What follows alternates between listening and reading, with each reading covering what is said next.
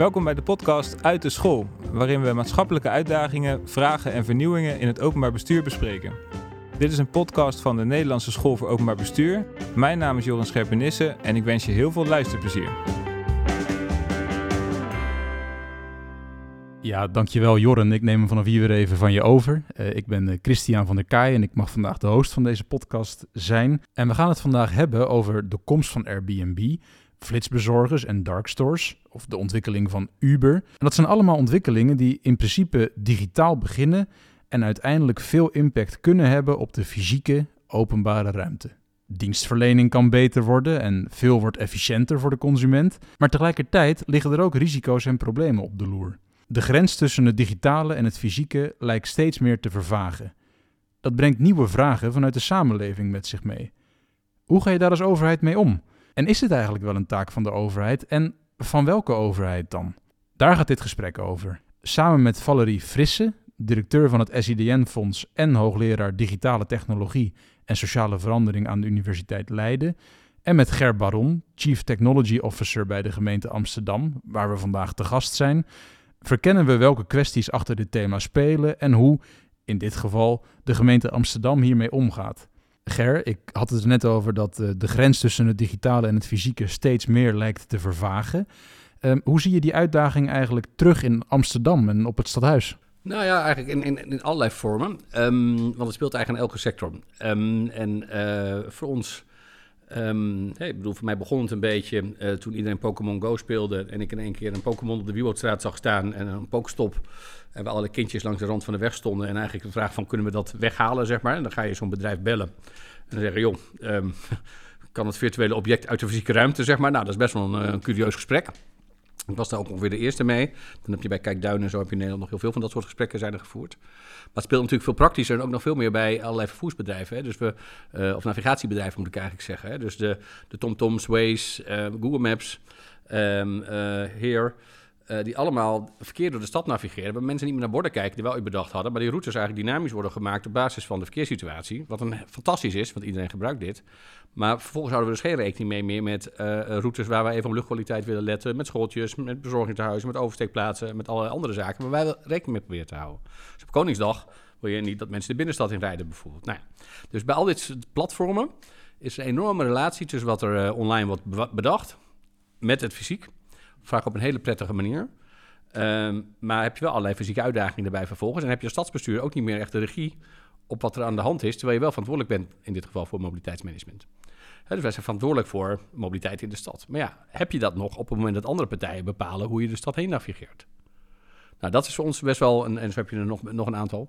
Je noemde net al uh, flitsbezorgers, uh, deelfietsen was een onderwerp in Amsterdam, deelscooters is een onderwerp in Amsterdam.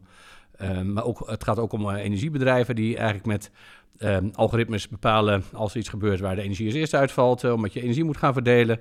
Wie bepaalt die algoritmes eigenlijk? Hoe ga je er democratisch mee om? Nou, zo heb je eigenlijk op elk onderwerp, eigenlijk van gezondheid tot duurzaamheid, energie, tot uh, verkeer, vervoer, heb je eigenlijk de impact van de digitale platformen. Die mensen tips, trucs en richting geven. Uh, waardoor uh, nou ja, de TikTok-rijen afgelopen weken weer uh, massaal in het nieuws. ja, dan staan even 500 mensen in, in, in een rij in één keer, hè, midden in de stad. Zeg maar. Dus, waar, waar, stonden ze voor te wachten? In dit geval voor een stroopwafel voor 13,50 euro, geloof ik. Dus ehm, dat is best wel bijzonder. maar ja, het gebeurt wel. En dan kun je wel zeggen, stom, stom, stom. Maar blijkbaar bepaalt TikTok waar de rij staan dan op een bepaald ja. moment. En het is ook niet te remmen, kan ik me zo Nou ja, we hebben dus gesprek. We hebben, nou, daar komen we zo hopelijk nog wat uitvoerig op terug. Maar we hebben dus gesprekken met dit soort platformen. Over, ja, hoe, hoe, hoe gaan we hier nou mee om? Kun je niet een beetje cap als zo succesvol wordt? Aan de andere kant is het ook natuurlijk prachtig dat ondernemers, die een bakkerij in dit geval, uh, een manier vindt om zoveel klanten te trekken. Ja, dat is ook wel weer mooi, want als ondernemer moet je klanten trekken. Zo werkt het natuurlijk ook. Maar ja, als je daarbij de halve straat uh, plat legt en de publieke ruimte uh, inneemt, is het de vraag, ja, andere ondernemers hebben er dan weer last van. Hè? Dus hoe ga je daarmee om? Nou, en zo Airbnb noemde je net natuurlijk, waar we nu uh, waar we zelf een registratiesysteem gebouwd hebben en een lobby naar minister naar hebben gedaan, om, om dat in ieder geval een beetje onder controle te houden. Maar we zeggen, we zijn niet tegen Airbnb, maar we moeten, het wel beperken dat de stad nog leven blijft. Nou, dus al die onderwerpen zie je dus een enorme fysieke impact in de stad. Um, door bedrijven, techbedrijven, die heel snel schalen, ook over de wereld actief zijn. Um, maar waar de maatregelen eigenlijk lokaal misschien wel anders zouden moeten. Maar ja, dat is als je een platform bent en je bent in duizend steden actief, ja, dan wil je niet met elke gemeente pad afspraken maken. En dat begrijp ik ten principale ook nog wel. Uh, alleen ja, de problematiek is wel echt anders hier dan in Assen. Hè, en het vervelende van Amsterdam is, of het leuk is, anders voor mijn werk is het eigenlijk inhoudelijk heel erg leuk. Maar het gebeurt hier toch als eerste en als meeste. Ik bedoel, 80% van Uber, 80% Airbnb. Vijf jaar voor de rest van Nederland. En dat is logisch, want ja, toeristen komen hierheen. Je woont in principe uh, rijke jonge mensen, zou je kunnen zeggen. In vergelijking, veel rijke jonge mensen in vergelijking met de rest van Nederland. Uh, dus dingen zijn hier als eerste en wat groter. en daardoor is het voor ons nou, af en toe inhoudelijk leuk, maar geeft ook veel overlast. Valerie, hoe zie, hoe zie jij vanuit jouw werk en wat jij in de praktijk tegenkomt, de ontwikkeling van dit soort platforms en de invloed daarvan in de publieke ruimte? Ja, wij richten ons met SDN-fonds vooral op eigenlijk waar allerlei issues ontstaan die aan de burgerkant uh, problemen opleveren. Dus aan de, de, zeg maar de gebruikers van de digitale ruimte in de breedste zin van het woord. Hoe kun je die nou zo goed mogelijk voorwaarden bieden dat die uh, in, in die digitale ruimte kunnen doen wat ze graag willen, zonder anderen uh, tot last te zijn en zo, daar ook hun rechten beschermd zijn, et cetera. Dus allemaal van dat soort initiatieven die daaraan bijdragen. En dat kan soms zijn omdat de overheid eigenlijk, kijk, in die digitale ruimte bijvoorbeeld, zou je kunnen zeggen, is heel lang heel weinig zijn heel weinig echte regels geweest. Er was vooral uh, het vrije spel van de markt is vrij lang drijvend geweest in de manier waarop die werd ingericht. En daar hebben mensen ook optimaal van geprofiteerd natuurlijk. Maar dat betekent ook dat ze zelf tot een soort koopwaar zijn geworden in die digitale ruimte bijvoorbeeld. En dat er allerlei neveneffecten zijn ontstaan waar ze eigenlijk geen invloed op hadden. Dus kun je daar nog iets van tegenmacht in creëren vanuit die maatschappelijke kant? Daar bewegen wij ons vooral op. En dat is soms omdat de markt iets doet waarvan je denkt, nou, dan zou je toch eigenlijk eh, liever wat tegenwicht tegen willen bieden. Maar het kan ook zijn omdat de overheid te weinig doet of te veel doet. Is het dan in die zin vanaf het begin een soort uh, sturen in de achteruitkijkspiegel? Nou, het is vaak bijsturen natuurlijk. Het is mhm. nieuwe ruimte creëren, het is tegenmacht organiseren. Maar het kunnen ook hele nieuwe initiatieven zijn, natuurlijk die waar je nog nooit aan gedacht had. En waarbij het initiatief juist bij, uh, bij burgers ligt om die middelen optimaal uh, tot ontwikkeling uh, te brengen. Ik moet dat denken aan een mooi voorbeeld wat ik vaak genoemd heb. Is, uh, er bestaat trouwens nog steeds een geluidsnet. Dat ken jij ook nog wel. Hè? Dat was ooit een initiatief van burgers die zeg maar, de, de data van nog van de overheid, nog van Schiphol vertrouwden over, over vliegbewegingen en wat en dat gelijk allemaal. bleken te hebben. Ja, en die bleken gelijk te hebben. Door, en die hadden gelijk, omdat ze het eigenlijk heel objectief gingen meten. Namelijk gewoon, en, en dat op een kaart, een open kaart, publiceerden. Dus je zag gewoon real-time wat zeg maar, de geluidsoverlast was op het moment dat die vliegtuigen overvlogen. En daarmee creëerden ze ook echt een stem voor zichzelf in dat spel, in dat politiek maatschappelijk spel. Dus dat kan ook. Uh, dat soort initiatieven die, uh, die kwamen destijds ook op, juist omdat de digitale ruimte daar mogelijkheden toe bood. Dus. Ja, wat je volgens mij in deze, deze ontwikkelingen best wel veel terugziet, is dat het voortkomt uit een soort samenspel tussen een heleboel actoren er gebeurt iets op een markt of een bepaalde partij innoveert en komt met een bepaalde nieuwe ontwikkeling. Daar vind je als overheid iets van, omdat nou ja, in het Pokémon-voorbeeld dat je net gaf, uh, dat ineens leidt tot, tot uh, risico's in het verkeer. Uh, vervolgens probeer je daarop te interveneren en dan? Dat lijkt me best een ingewikkelde situatie waar je dan voor komt te staan. A, omdat je niet altijd weet wie je moet bellen. Dat lijkt me al een vervelende kwestie. En B, omdat je niet altijd weet of je wel de positie hebt om in te grijpen. Nee, het is en, en, en, uh, of nog niet hebt om in te grijpen, omdat je inderdaad dat nog moet gaan inregelen, dat je daar ook een juridische uh, grond voor hebt. Mm -hmm. ik vind bijvoorbeeld, uh, um, nou, bedrijf als TikTok met TikTok rijden is best een aardig voorbeeld, heel actueel bij ons op dit moment. Um, ja, het is niet verboden om heel veel klanten op zich te hebben, zeg maar, voor zo'n winkel, zeg maar. En we hebben nog nooit nagedacht wat het betekent als ja, wie het beste dansje doet, uh, de meeste stroopwafels verkoopt, zeg maar. Dat is even nieuw voor ons. En het bereik is zo ontzettend groot. Uh, we vergeten dat vaak, maar onder jongeren is TikTok bij far het meest populaire platform. Maar niet voor eh, 10 minuten per dag, maar voor uren per dag. Ja. En die zoeken zelf niet meer naar waar zo'n lekkere stroopwafel. Maar die kijken alleen maar naar suggesties die voorbij komen. Dus het, je gaat echt een tunnel in. Ja, wat is onze juridische grond om hier iets van te vinden? Ja, de mensen in de rij staan voor een winkel. Ja, zijn we in principe niet tegen. Maar ja, het gaat, als het verkeersveiligheid in het geding is, of overlast geeft voor bewoners, ja, dan moeten we er natuurlijk wel weer iets mee. Ja. En nu zowel zo'n platformbedrijf had ook Instagram kunnen zijn, maar in dit geval uh, TikTok, uh, daar niet op ingericht. Maar wij ook niet. En je zag bij Airbnb als voorbeeld, zeg maar. Die waren in het begin ook helemaal niet op ingericht. En uiteindelijk is, het bedrijf volwassen geworden. Dus zijn wij wat volwassener geworden. Maar het kost dan twee, drie jaar voor je allebei die volwassenheid hebt gevonden. Zodat wij hen konden bellen. Ook konden aangeven, joh, wij willen dat jullie iets doen, doen tegen overlast. Zodat wij er niet alleen maar voor de kosten opdragen. Hè, dus echt gaan controleren. In plaats van alleen maar zeggen dat je controleert. Maar ook echt gaan controleren. Uiteindelijk zijn we met zo'n systeem gekomen van... eh, eh, eh, verhuurders krijgen een nummer. Je mag maximaal 30 keer per jaar je nummer inzetten. Dat is persoonsgebonden, dus dat is heel beperkt wat je dan eh, mag. Eh, en in bepaalde wijken al helemaal niet meer. Eh, maar dat duurt, bij allebei duurt het dan best lang voordat je ons juridische framework daarvoor georganiseerd hebt. En bij- maar zo'n bedrijf ook om daarmee te kunnen omgaan. In de weg daar naartoe hebben jullie ook wel eens geprobeerd het te verbieden, toch? Zeker, we hebben er van alles geprobeerd, zeg maar. En, en, en, en de toon in eerste instantie van Airbnb. Ik weet nog dat die jongens, die oprichters in Amsterdam waren, ehm, vlak voordat het uit elkaar knalde, 2012 denk ik. Eh, toen Ronald Plasterk nog in de Tweede Kamer stond te vertellen, 2013. Airbnb is geen probleem in Nederland. En dat hebben ze heel lang volgehouden. Dat was ook wel zo. Maar in Amsterdam wel. Ik bedoel, toen stonden in 2014 stond nog over 80% van de woonboten op Airbnb of zoiets. Hè? Dus om even aan te geven in de binnenstad, om even aan te geven hoe hard dat ging. En eh, eh, uiteindelijk 40.000 huizen. Weet je, dat is best vrij serieus voor een stad met woningnood uiteindelijk. Eh, dus de, ehm, de snelheid van die ontwikkeling gaat gewoon best snel. En die bedrijven zelf schrikken daar ook af. Ja, die willen het natuurlijk graag. Maar die schrikken natuurlijk zelf ook van op een gegeven moment. Want op een gegeven moment krijg je wel die pushback. Dat mensen gaan zeggen, ja, dan verbieden we het maar. En we zagen dat heel veel steden daar een enorme eh, grote mond over op- opentrokken. Hè? Barcelona, New York, et cetera. Nou, praktijk bleek dat voor iedereen het best lastig bleek om, te verbieden dat iemand zijn huis een paar dagen per jaar verhuurt. Moet wel je inkomstenbelasting opgeven, maar het is best wel een heftige ingrijp natuurlijk. Jij mag niet meer je eigen huis, jouw bezit, mag je niet meer een paar dagen verhuren. Nou, als het van de VVE niet mag, van de bank niet, is het één ding. Maar als dat, dat niet in het spel is, is dat gewoon wel een nieuwe regel die je verzint met z'n allen. Dus, ehm, eh, want voorheen gebeurde dat ook heus via die papieren boeken vroeger nog met huizen en zo. Dat had iedereen eh, nog doen. Maar ehm, eh, de schaal is natuurlijk ongekend. Ja, het interessante is ook natuurlijk dat je vaak nog wat fundamenteler nasleep krijgt van dit soort ontwikkelingen waar je dan... Nou, je moet al van tevoren al ongeveer inschatten van wat zou hier, wat is hier nou precies aan de hand. Vervolgens moet je tussendoor een beetje meebewegen en mee of tegen reguleren of wat dan ook. Maar eigenlijk wat nog het meest eh, impactvol is, is wat er op de lange termijn eh, gaat ontstaan. Hè? Dus we, en we hebben een voorbeeldje misschien ook uit onze eigen praktijk. Het is niet zozeer met de openbare ruimte te maken, maar ehm, we hebben een eh, project ondersteund waarbij iemand een platform had gemaakt waarop je e-books ook kon als tweedehands boek kon verkopen. En dat mag officieel niet. Hè? Terwijl als je zelf een boek koopt, natuurlijk in de winkel, dan staat het je vrij om. Dan is het jouw bezit daarna. En dan mag je ermee doen wat je wil.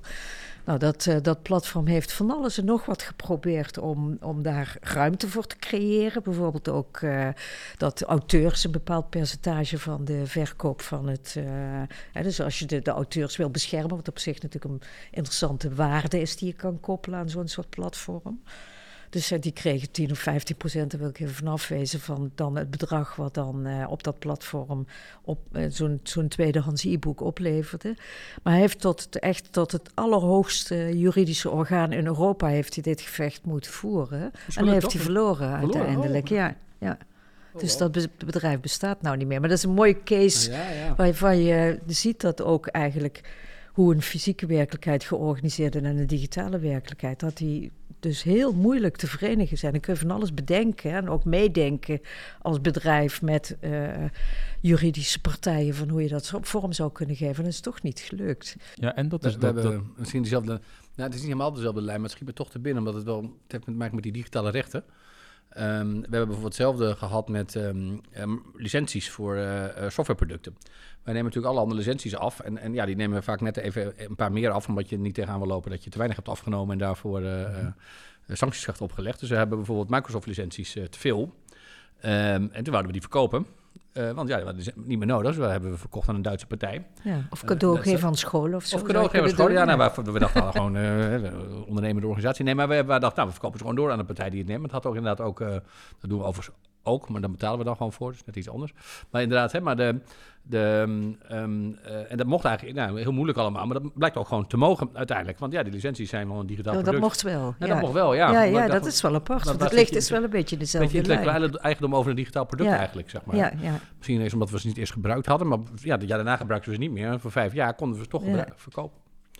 Dus het is best interessant hoe dat intellectueel eigendom Ja. dan... eh, Maar goed, dus de ook die lange termijn vraagstukken die daarachter zitten... van hoe kijk je überhaupt tegen bezit aan? Eh, wat is op de lange termijn de maatschappelijke impact van...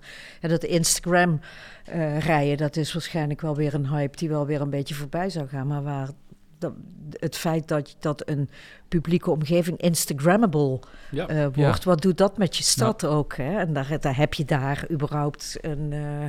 een rol in als overheid om daarin bij te sturen? Of is dat aan anderen om dat te doen? Of is het überhaupt geen probleem? Dat, Nou ja, maar ook de ouderwetse, hè? Want eh, we hebben bijvoorbeeld bij de Staalmeesterstraat, Staalmeesterbrug, eh denk ik, in ieder geval de Staalmeesterstraat, daar is zo'n brug waar ieder van die eh, slotjes aan hangt.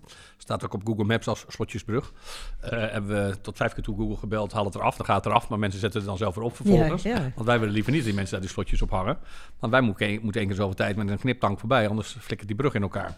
dus, ehm, eh, maar elke keer komt het dan weer terug in die, dat het daar gebeurt. De analogie van wat natuurlijk in. Parijs en andere steden ook is. Maar dus het interessante, je zit continu in zo'n strijd. Wie is er dan verantwoordelijk voor wat er dan gebeurt op dat platform uiteindelijk? Zeg Ja. maar. Want ja, En zo'n belevingslaag eigenlijk, Ja, hè, die je ook nog eens over de stad eh, krijgt. ja met en, en, allerlei... en, en, maar verdwijnt dat dan ja of nee? Denk ik, ja, niet vanzelf. Maar als het van de Google Maps af is, helpt het wel alweer dat het verdwijnt. Kijk, bij TikTok zou je natuurlijk ook prima kunnen zeggen... als iets te populair wordt, gaan we dempen. Eh, Of zo. Hè? En dat zie je met veel van die partijen. Zie je dat het op een gegeven moment... Nou, Airbnb, op een gegeven moment gaan ze de capaciteit wel minderen... omdat ze weten dat het moet. Op een gegeven moment ga je wel lokaliseren. Maar als je net, net begint als bedrijf en net die schaal uit... heb je nog geen lokale content. Hè? Dus, de, dus eh, Snap en, en ook TikTok. En we hebben daar best veel gesprekken mee... ook met de politie en anderen. Van voeg nou lokale content toe. Maar ze zeggen, ja, hoe meer lokaal... hoe meer mensen wij in dienst moeten nemen... Eh, en dat is best ingewikkeld. Want Ja. als je, eh, dan kan elke, als elke gemeente ons kan bellen...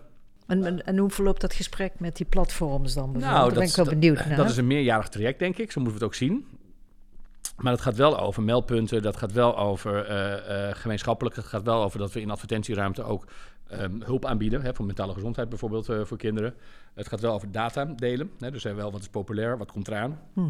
Eh, Komt worden TikTok-rijen populairder, ja of nee? Ja, ja. Ehm, en het gesprek gaat ook over lokale context in de zin van... ehm, nou, als je echt negatieve dingen voorbij ziet komen, hè, bijvoorbeeld drillrap-achtige dingen. Het is best lastig of, eh, te bepalen of het gevaarlijke drillrap is.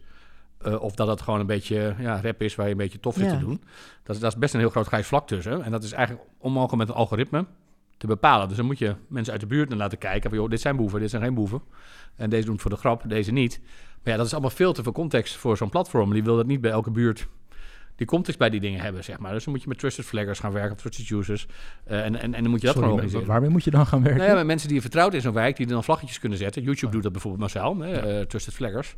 Mhm. Eh, van als je zegt, dit is niet oké, deze film. En als er een paar zijn, dan halen ze hem eerst offline en gaan ze onderzoeken. En daarna zetten ze hem weer terug in plaats van... we wachten even, we gaan onderzoeken en we laten nog even een paar weken staan. Mhm. Je wil eigenlijk mensen hebben die een soort ja, vertrouwde eh, eh, groep mensen zijn. Ja. Zonder dat ze dus... Dat, die moeten dus semi-neutraal zijn. Eh, en ook Ja, niet en je anders zijn. wil ook als overheid daar ver van blijven. Hè? Zodra je in content moet gaan ingrijpen, dan wordt het natuurlijk heel ingewikkeld. dat, dat, dat vind ik dus interessant, want eh, goed, ik, ik kom niet uit deze gemeente, maar ik heb ook wel eens in de rij gestaan voor het Anne Frankhuis en voor Madame Tussaud, zeg maar. Dat is dan niet per se uit TikTok gegenereerd, maar meer uit bekendheid. En dat is dan iets waar, als ik, het zo, als ik jullie zo daarover hoor spreken, het beduidend minder als probleem wordt ervaren of iets van daar moeten we iets mee, dan ehm, wanneer inderdaad iemand een stroopwafel van 13,50 wil omdat die via TikTok zo aangeprezen is. Blijkbaar trekken we dat ons ineens heel erg aan. Dus waar, waar zit dan die, die, die Ja, er zit soms ook wel iets van culturele veroordeling natuurlijk. Ja, Zet er ook ja. in. En smaak, hè? Dat, dat, dat, dat soort eh, waarderingen, denk ik, dat dat speelt zeker een rol. Maar ik denk, ja, zo'n Anne Frank museum, dat kun je natuurlijk echt voorspellen. Van, dat, dat, is, dat heeft een veel langere duur. En dat, ik kan me ook wel herinneren, het heeft ook wel een tijd lang bepaalde impact gehad. Hè? Op, eh, dat- er moesten ook allerlei ingrepen plaatsvinden om dat in goede banen te leiden. Onder invloed van terrorisme, dreiging en weet ik wat niet allemaal. Dus het- Juist bij het Anne Frankhuis natuurlijk. Dus dan spelen weer andere issues. Maar ik denk dat bij zo'n zo'n TikTok-rij is vooral dat je eigenlijk niet helemaal precies weet waar, zich dat, waar dat opeens gaat opborrelen. En wat, dan moet je eigenlijk al op dat buurtniveau ook alle problemen al heel goed in kaart hebben. Om dan de potentiële overlast, dan wel positieve effecten daarvan meteen goed te kunnen inschatten. En vervolgens heeft die rij zich waarschijnlijk alweer, voordat je dat goed in kaart gebracht hebt, zit de rij alweer heel ergens anders. Ja, maar vergeet niet, hè, want ik bedoel, een van de meest succesvolle lokale platformen, ik denk eh, ter wereld eigenlijk, is eh Tours Tickets. Hè, die in Amsterdam de een rondvaartbotendienst hebben, maar ook Uh, nou, 4,5 miljoen, 5 miljoen per jaar mensen volgens mij die bij Tours Tickets een kaartje kopen. Die hebben van die hokjes die lijken op vroeger de VVV. Mhm. En daar verkopen ze tickets voor. Dus voor, voor musea, voor met name de middelgrote musea, de, Rijks en het Stedelijk en het Van Gogh, die redden het nog wel even. Die zijn afhankelijk van Tours Tickets hoeveel mensen er langs sturen. Dus ik weet dat op een gegeven moment had je het, uh, het Tassenmuseum, Hendrik Stoffels volgens oh, ja, ja. Um, die letterlijk de helft van het ticket, de vraag kregen van zo'n bedrijf van hoeveel mensen willen jullie? Uh, nou, dat willen we de helft van de ticket. En dan sturen wij 100.000 mensen, of 200.000 zeg maar. Hmm. Dus die hebben een enorme invloed op zo'n toeristenstroom bijvoorbeeld. Doordat ze online die mensen vangen. Vervolgens kort 10% korting, 20% korting nutje via de app. Mhm. Waar ze een vervolgkaartje kunnen kopen. Uh, boek nu, want anders kun je er nooit meer in, weet je. Dus allemaal, uh, uh, zijn zelf eigenaar van een aantal locaties. Het Dungeon Museum natuurlijk, want Amsterdam staat bekend om de dungeons. Mhm. wat ze zijn gestart, zeg maar, wat dan wat heel best populair is maar gerund wordt door die partij. Dus ja, de onafhankelijkheid van zo'n platform is dan heel erg onduidelijk. Ja, ja. Oh, dat dan heb je, heb je het over een lokaal platform. Ja. En uh, uh, aan de andere kant, uh, ja, ze leveren ook heel veel geld op. Dus over Amsterdam zou je kunnen zeggen. Dus dat is maar heb je daar goede afspraken mee dan? Want het lokaal platform is iets makkelijker. Volgens mij houden ze zich aan de wet. Dat zijn de afspraken die we hebben. Dat is zo. Verder is, het, is dat, uh, weet ik het niet, want ik voer zelf die gesprekken. Ik heb wel eens gedaan lang in, in het verleden. Maar voor mij hebben we daar niet veel betere afspraken mee dan dat ze zich aan de regels houden. Maar dat, dat, leidt ook niet tot heel veel overlast of zo. Of dat nee, maar wel, maar wel musea die afhankelijk worden van één partij. Ja, dus wel een soort van monopolies die zo ontstaan. Nou ja, dat zie je toch. Uh, wat natuurlijk het, het grote platform is. Hè. Advertenties is natuurlijk een mooi voorbeeld. Ik bedoel, die zijn compleet overgenomen door de platformen. Google doet meer advertentieomzet dan andere kranten in de wereld. Mm -hmm. Ja, en dat geld gaat wel naar één plek. en, en dus zie je daar ook terug wat, je, wat, de invloed is. En als je een stapje verder gaat, hè, de, um, uh, hoe heet het nou, um, van uh, Weapons of Mass Destruction. Oh ja. Uh, nou, zij was hier laatst. ja, ik weet wie je bedoelt. Maar Katie O'Neill. niet op de naam Katie O'Neill. um, en um, die, die, in haar nieuwe boek staat een prachtige casuïstiek het liet te zien over hoe platformen werken, anders dan in lijn met normale reclame. Dat ging over Japan en over hoe Gillette daar over tien jaar tijd in één keer um, scheermesjes aan vrouwen wil gaan verkopen. Dat gebeurde daar namelijk voorheen nooit. Hè? Oxla niet en dat soort dingen. Um, uh, en dan hebben ze geleidelijk in tien jaar tijd een campagne gemaakt. Dat ze eerst moesten laten zien dat uh, vies was. Dat moest de trend worden. Vervolgens kwamen zij met de oplossing. En vervolgens in tien jaar tijd hebben ze daar iets heel cultureels. Scheer je oksels ja of nee? En in Nederland is dat normaal bij vrouwen, minder normaal bij mannen. Maar dat is wel heel, heel, heel gek eigenlijk dat je dat soort verschillen hebt eigenlijk. En toch vinden heel veel mensen dat. Maar dat is gewoon puur door zo'n marketingbedrijf ingegeven. Maar daar was het dus vooraf bedacht. En denk, fuck, dit gebeurt natuurlijk de hele tijd met allerlei producten waar je gewoon in tien jaar tijd, waarom wassen we kleren in één keer dragen? Nou, dat is van dat uh, omo zeggen dat dat een goed idee is, want dat kun je ook prima twee of drie keer misschien doen. Weet je, de, uh, er zijn allemaal van dat soort uh, producten die, die naar binnen worden gehuurd. En in de digitale wereld, met die algoritmes, op TikTok, op Instagram, op Facebook, op Snap, zie je continu beelden voorbij komen die helemaal niet zo toevallig zijn. Maar wat we eten, wat we drinken, hoe we ons kleden. En dat is natuurlijk compleet geïndoctrineerd. En we, denken dan, oh, we zijn allemaal autonoom besluiten zelfstandig. Um, boek bij Airbnb. Ga met een Uber. Dat is natuurlijk, dat is eigenlijk, het is ook gewoon marketing. Het is klassiek. Alleen maar wel het interessante is toch ook wel, als je überhaupt aan de kant van menselijk gedrag kijkt, dat je afvraagt van, zo langzamerhand weten heel veel mensen heus wel dat ze in een bepaalde fuik en een, door het Instagram-algoritme uh, of welk algoritme dan ook ergens naartoe uh, geleid worden. Maar als ze in zo'n rij staan hier in Amsterdam, dan interesseert ze dat helemaal niks. Nee. Want ik ben, je hoort er wel bij dan. Ja, dat is het. Dat dus is dat erbij horen. Ja, dat, dat, is natuurlijk... Dus het, het, is niet alleen maar, um, zeg maar passief slachtofferschap van de burger in de digitale mhm. wereld... dat je zich in die algoritmes laat zuigen, maar... Het is ook doelgericht gedrag natuurlijk vaak. Alleen de vorm en de schaal die het krijgt, die is vaak nieuw. En daar kunnen we dan niet zo goed mee, uh, en ik denk op een meterniveau mee overweg. En op een meterniveau is ik denk precies wat er aan de hand is. In de zin van, ik denk dat dat weet die bedrijf ook. Maar het erbij willen horen is, is dan weer op een hoger niveau de bedoeling. Dat mensen denken, oh, ik ben autonoom, maar ik ga het toch doen. Ja, dat weet die bedrijf natuurlijk ook. Ja. Maar ze gaan wel doen. Het lijkt me op het niveau van... Het, sorry. Oh ja, nou, ik, nog, nog even terugkomend op wat wij met Fonds doen... en ook wel samen met, uh, met Amsterdam. we proberen ook wel te investeren in... zeg maar wat meer de klassieke nutsfunctie van internet en de digitale wereld. Hè? Dus waarbij niet alles gedreven wordt door, door uh, commerciële bepaalde algoritmes, et cetera...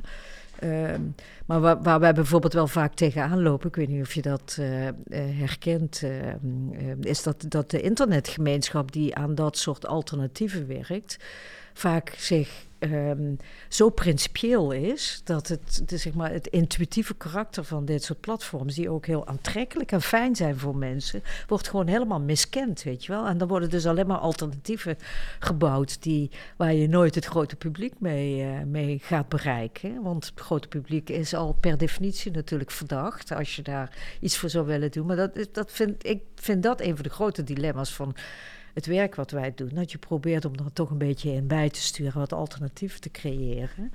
Maar dat, je, ehm, ehm, dat het heel moeilijk is. Je kunt natuurlijk ook niet concurreren met eh, ontwerpkracht en weet ik wat allemaal, die die grote platforms allemaal in huis hebben. Maar we kunnen er wel wat van leren van die Nee, gemak en die intuïtie, intuïtieve interfaces die daar Ja, ja, maar gebruikt. En daar zouden we veel meer mee moeten doen, naar mijn ook, idee. Je kunt ook, in, ik denk in de, in de kracht ligt voor een deel ook alweer een kleinschaligheid. Hè? Want, eh, nou, over taxis bijvoorbeeld. Hè? We hadden onlangs inderdaad initiatief in Amsterdam om eh, meer coöperatief te gaan denken hè, met taxis. Eh, aanleiding is met name natuurlijk de grote taxiplatformen. Hè? Je hebt een, nou, een, Uber is dan altijd het voorbeeld, maar je hebt nog een paar. Ja, even een stap. Die moeten we misschien even iets meer uitpakken om daar goed over verder te spreken. Je hebt het platform Uber in Amsterdam. Die, die wordt veelvuldig gebruikt. Dat, wordt- dat Ja. wordt wisselend gewaardeerd, om het maar even zo te noemen. Ja. En een wethouder hier, of in ieder geval op Ja. initiatief van een wethouder hier, is daar Ja. een initiatief tegenover komen te staan. Ja, we hebben namelijk een wat breder programma waarbij we coöperatieven willen ondersteunen. Dat is Ja. niet alleen voor taxis overigens, dat wordt als voorbeeld genoemd, maar het is ook voor andere. eh, je kunt ook voor rondom voedsel kun je van alles voorstellen, rondom zorg kun je van alles voorstellen, maar taxis eh, wordt als expliciet voorbeeld genoemd. Mhm. De aanleiding is eh, nou, de uiteindelijk internationale techbedrijven die hier op de markt komen en heel veel geld niet laten landen in Amsterdam. Dus dat bij Uber heel klein beetje lastig uitlegbaar, omdat ze met 1500 mensen op de Zuidas zitten. De app wordt in Amsterdam eh, ontwikkeld en gemaakt. Hè? Dus de, die, die app Mhm. voor wereldwijd wordt in Amsterdam gemaakt, beheerd en et cetera. Dus in die end zijn het 1500 arbeidsplaatsen, zou je kunnen zeggen, extra. Maar voor taxichauffeurs eh, eh, en, en, en winsten en belastingen en zo is het allemaal niet, niet zo interessant in dat Nee. opzicht. Qua geld dat er terugvloeit. Ehm, ehm, en zou je misschien kunnen denken, als je een lokaal organiseert, een coöperatiever, dan zijn de taxichauffeurs ook mede-eigenaar. En dan zou je zeggen, als je winstgevende bent, dan komt het geld ook bij jou. Nou, nu is de praktijk dat je in Amsterdam ook de Taxicentrale Amsterdam hebt en nog een paar andere eh, TTO's. Eh Taxicentrale Amsterdam zegt, nou, wij zijn een coöperatief, dat zijn we al eh, tientallen jaren. Ik weet niet precies hoe lang, maar al heel lang. Maar in de zin dat de taxichauffeurs eigenaar zijn. ook. Ja, ja de taxichauffeur is een mede-eigenaar. Oké. Ehm, eh, en, we- en, en- en in de praktijk is natuurlijk dat een klein clubje wel heel veel bepaalt, maar wel dat. Er is een ledenvergadering, zeg maar, eh, waar, Mhm. waarover gestemd wordt. Ook over wie de, de voorzitter is en de directeur. Eh, dus het is in principe een coöperatief waar iedereen eh, aandeelhouder van is. Eh, met een maandelijkse afdracht voor de overhead. Ehm, ehm, alleen, dat is, dat, alleen levert toch een ander type diensten dan, dan Uber blijkbaar. Want ehm, eh, dus, er is ook een behoefte aan een, dan een meer Ubericiaanse taxibedrijf of zoiets, zeg maar. Dus het is ook heel erg zoeken naar... Ja, met, met het, qua type dienstverlening, maar niet qua rechtspositie Nee. bijvoorbeeld van de werknemers. Nee, Eh, dat, precies. dat wil je juist niet. Nee, dat wil je juist niet. Nee, nee, juist, nee, je wil juist de kant op van de TCA eigenlijk. En dan misschien eh, die natuurlijk... eh, En dan met iets minder eh, een verleden als een soort van halve boevenbeeld. nou, misschien is dat het. Ja, dat is het verleden, hè, dus daar durf ik ook weinig over te zeggen. Maar bij ons op het thuis eh, zeggen mensen best vaak... hey, dit is wel onze TCA waar je nu aan zit, zeg maar. als, als we het hebben over andere partijen. In de zin van, zit al 100 jaar in Amsterdam. Althans, weet ik niet, tientallen jaren. Maar dan Ja. trek je als lokale overheid ook best wel een grote broek aan. Nou, de vraag is in hoeverre je nou lokaal eh, partijen kunt stimuleren om lokaal dienstverlening op te zetten ten opzichte van internationale partijen. Ja. Eh, en, en dat is echt de vraag. Je- En je zou best kunnen voorstellen dat het een, wel weer een trend gaat worden, maar ik weet het niet. Hè. Je- de, er zijn heel veel buurtcoöperatieven ook op het gebied van ehm, eh, dienstverlening, zorg, eh, elkaar helpen thuis, eh, maar ook voedsel meer en meer. Ehm, eh, en in die end eh, denk ik, als mensen meer awareness krijgen over wat je waar koopt, wat de impact is, Mhm. Eh, dat je er ook een markt voor kan creëren. Maar, en, en, en Amsterdam zou daar een stapje in kunnen doen. Maar het hangt wel af van heel veel factoren. Dat ben ik helemaal met je eens. Ja, maar dat, dat is misschien Maar wel- als je het ergens zou moeten doen, dan is het lokaal juist. Ik Ja. bedoel, dat is interessant voor de gemeente juist als bestuurslaag om daar... eh, Ja, wij zijn natuurlijk in brede zin is het ook gewoon... eh, eh, ehm, kijk, al die eh, internationale bedrijven betalen geen belasting in Nederland. Maken wel ontzettend veel gebruik van de openbare ruimte. eh, eh, Precies. Eh, eh, daarom vond ik zelf, eh, dit is een privé mening, zeg ik er direct bij, maar is het aardig van Airbnb vond ik wat grappig. Want dan krijgen lokale Amsterdammers profiteren tenminste een beetje Ja. van, eh, van die, die, die toeristen die hier komen. Mhm. We betalen ook gewoon inkomstenbelasting, dus betaalt ook nog eens een keer gewoon belasting erover. En het ging natuurlijk mis toen mensen een huis massaal gingen verhuren of fulltime gingen verhuren. En dat er in één keer een huis van de markt verdween. En dat we een woningtekort da- daarmee combineren.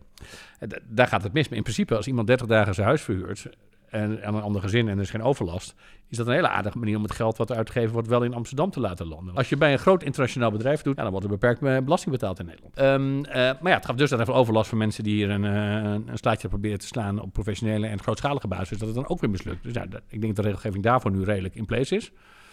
Uh, um, maar voor heel veel andere domeinen is dat nog niet zo. Maar de vraag... geloof jij nou meer in, uh, zeg maar, um, de regels aanscherpen of de onderhandelingen met dit soort grote partijen aangaan uh, om, om, om ze zeg maar wat meer te dwingen in een bepaald gareel of juist in het investeren in dit soort alternatien? Ja, ja. Of ik denk het, dat zal, door het zal een mix zijn, maar... Ik denk dat je wetgeving Kijk, wat we in Amsterdam proberen te doen, en dat is, uh, uh, nou, daar ben ik Amsterdam genoeg voor inmiddels, dus dat klinkt wat voorbaarvoerig. Wij proberen het goede voorbeeld te geven door te verzinnen wat er nodig is en dat op kleine schaal in Amsterdam.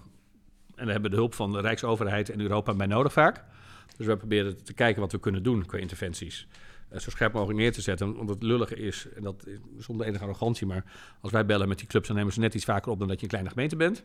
Eh, omdat we ook meer overlast ervaren, omdat je wat groter bent. Mhm. Uh, dus ik vind inderdaad, wij proberen met al die partijen het gesprek aan te gaan. Hè, onderhandelingen met de Urbus, met de Airbnb's, allemaal uh, veel tijd ingestopt. op die partij die die deelfietsen in één keer neerslingeren. Nou, daar hebben we regels voor gemaakt dat we de stad uit hebben gebonjourd. Omdat het gewoon een teringzooi werd met die, met die 80 euro fietsjes. Die eigenlijk niet bedoeld waren om op te fietsen, maar om je data te verzamelen. Want dat was wat ze deden. ja, dat is best wel een bijzondere exercitie geweest natuurlijk. Maar hebben we allemaal de stad uitgeflikkerd. Of moeten zeggen, die hebben we gedoneerd aan een Noord-Afrikaans land, geloof ik, uh, uiteindelijk. Um, uh, want er stonden ergens waar ze niet mochten. Dus de um, Airbnb hebben we, zijn we heel veel mee gesproken. Op een gegeven moment hebben we toch wet de regelgeving moeten maken daarvoor.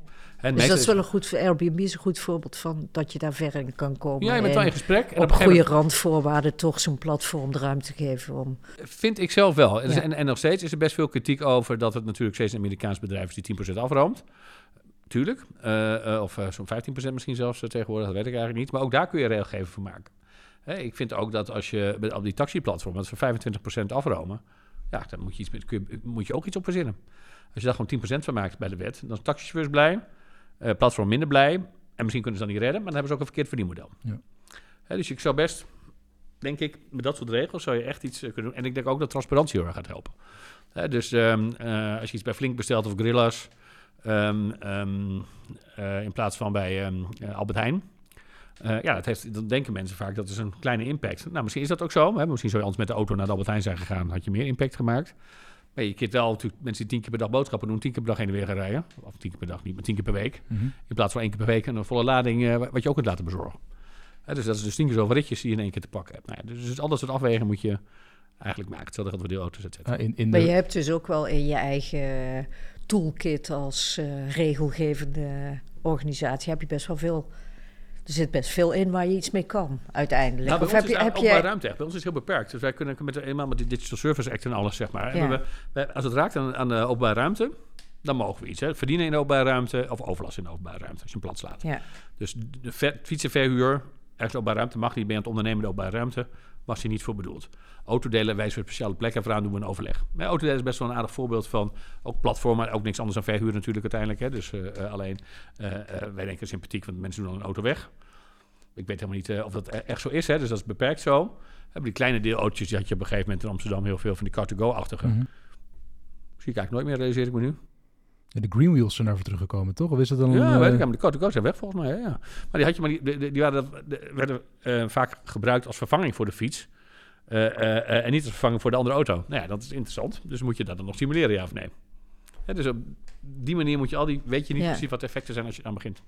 Nou, je kan je veel dieper volgens mij de vraag stellen of je hier als lokale overheid, zij het een van de, de, de grootste van Nederland die hier ook als eerst mee te maken hebt, of dit wel een vraagstuk is waar je als overheid op mee, mee om moet gaan. Ja. Je geeft net een heleboel voorbeelden waar je laat zien dat, dat je als gemeente daar heel ehm, actief op speelt. Hè. Je gaat bellen, je zoekt contact, je wil ergens eh, ingrijpen en dat doe je met een bepaalde, ja, waarschijnlijk publieke waarde in het achterhoofd die je graag wil nastreven als gemeente. Daarover tegenover zou je ook kunnen zeggen dat als je dat, dat niets doen ook een optie is, zeg maar. Zeker. En dat daar ook zelfregulerende mechanismen in op kunnen treden. Zeker. Dat doen wij ook als er maar niet de openbare ruimte tot verdienmodel wordt gemaakt. Hè. Dus de, als jij een autoverhuur wil beginnen, moet je dat lekker doen. Uh, als Mhm. je een fietsverhuur wil beginnen, moet je dat gewoon lekker doen. Als je een kamerverhuur wil beginnen, moet je dat conform de wet en regelgeving. Of een, of een bed and breakfast. Dat kan, hebben we gewoon een procesje voor. Hè, voor de Maar het zijn, kijk, als het allemaal partijen zijn die geen belasting betalen bijvoorbeeld, dan is het dan al weer een heel ander verhaal. en, en, wel over tot overlast eh, zorgen in de openbare ruimte. Ja, Dus met deelfietsen fietsen slingeren overal en wij moesten ze opruimen. Ja, dat is dat dan. Maar die je- partijen die geen belasting betalen, daar kun jij ook niks aan doen op lokaal niveau. Nee, ik zou een groot je nationaal of eh, Europees. eh, Nou ja, ik zou wel een Duitse model. Ik zou wel een groot voorstander zijn van winstbelasting voor eh, lokale bedrijven. Hebben dit soort dingen eerlijk gezegd, omdat je ehm, ehm, ook overigens met de, met, de, met de grote corporates die hier zitten, die geen, die of wel belasting betalen, maar centraal, maar die drukken hier wel op de voorzieningen. Of op de openbare ruimte. ja. Dus dat is nog een andere. Hè, veel van die platformen die hier zitten, nou, de grote bedrijven kunnen we zelf invullen, maar dat zijn de grootste sector in Amsterdam. zijn de betaalplatformen, de hotel, kamerverhuurplatformen, bezorgdiensten. Eh 20, 30, 40.000 werknemers bij elkaar, denk ik. Hoeveel? Nou, ik denk wel 30.000, 40.000 werknemers bij dat soort eh, partijen hier. Ja. Eh, als je Uber 1500 mensen, Just Eat Takeaway 2500, Booking 6, 7000. Nou, AGN denk ik een paar duizend. Ja. Dat zijn best grote partijen. En hebben hier nog een riedeltje. Ehm, eh, dat zijn dat, en, die, en, die, en die fantastisch hè, werkgelegenheid, hè, allemaal positief over dat stuk. Maar die hebben ook kinderopvang, schooltjes, eh, infrastructuur Ja. waar ze gebruik van maken. Eh, en die betalen niet in Amsterdam daar nog een lokale belasting over. Nou, dat, ik ben niet voor meer belasting.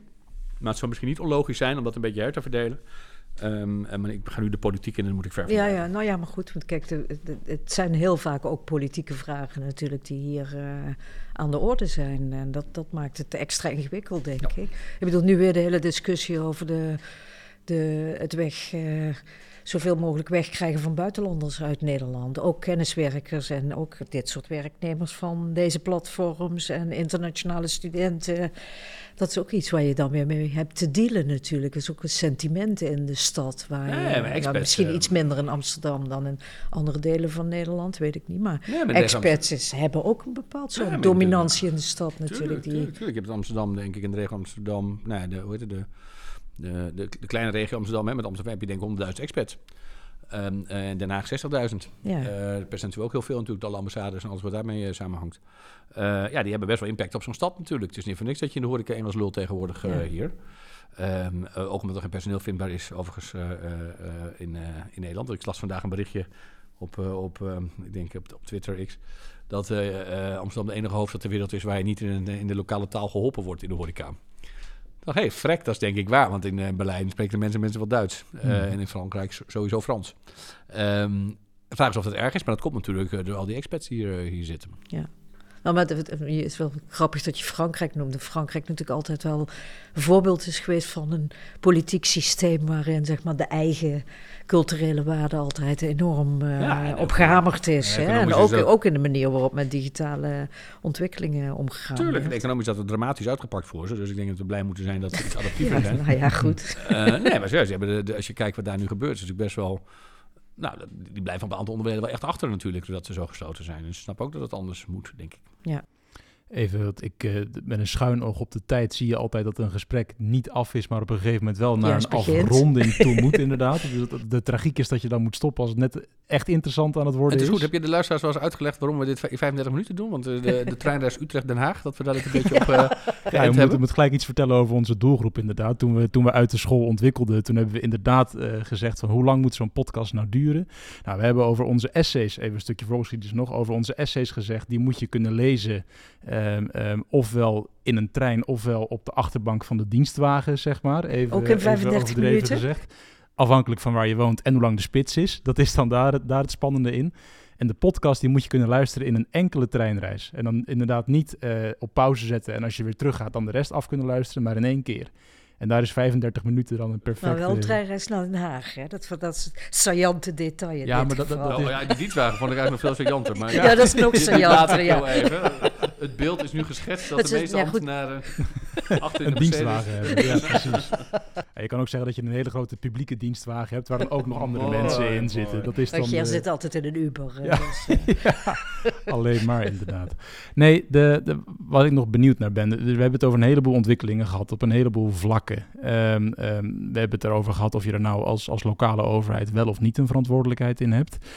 De vraag waar dit naartoe gaat is natuurlijk een veel te grote. Maar de vraag is, wat misschien nog wel een iets behapbaarder vraag is, is, is dit nou deze ontwikkeling iets dat je moet zien als een, een kans die als je hem niet grijpt genadeloos aan je voorbij gaat en je overrompelt? Of is het een risico dat wanneer je niet ehm, ingrijpt, je overrompeld wordt? Wat voor mij twee andere dingen zijn. Zal ik, uh, zal ik proberen dat ik daarna gecorrigeerd word door de professor? Zeker.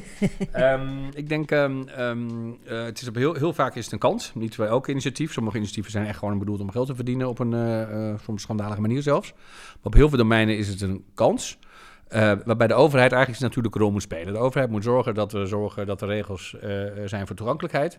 Is dit voor iedereen toegankelijk op een eerlijke manier?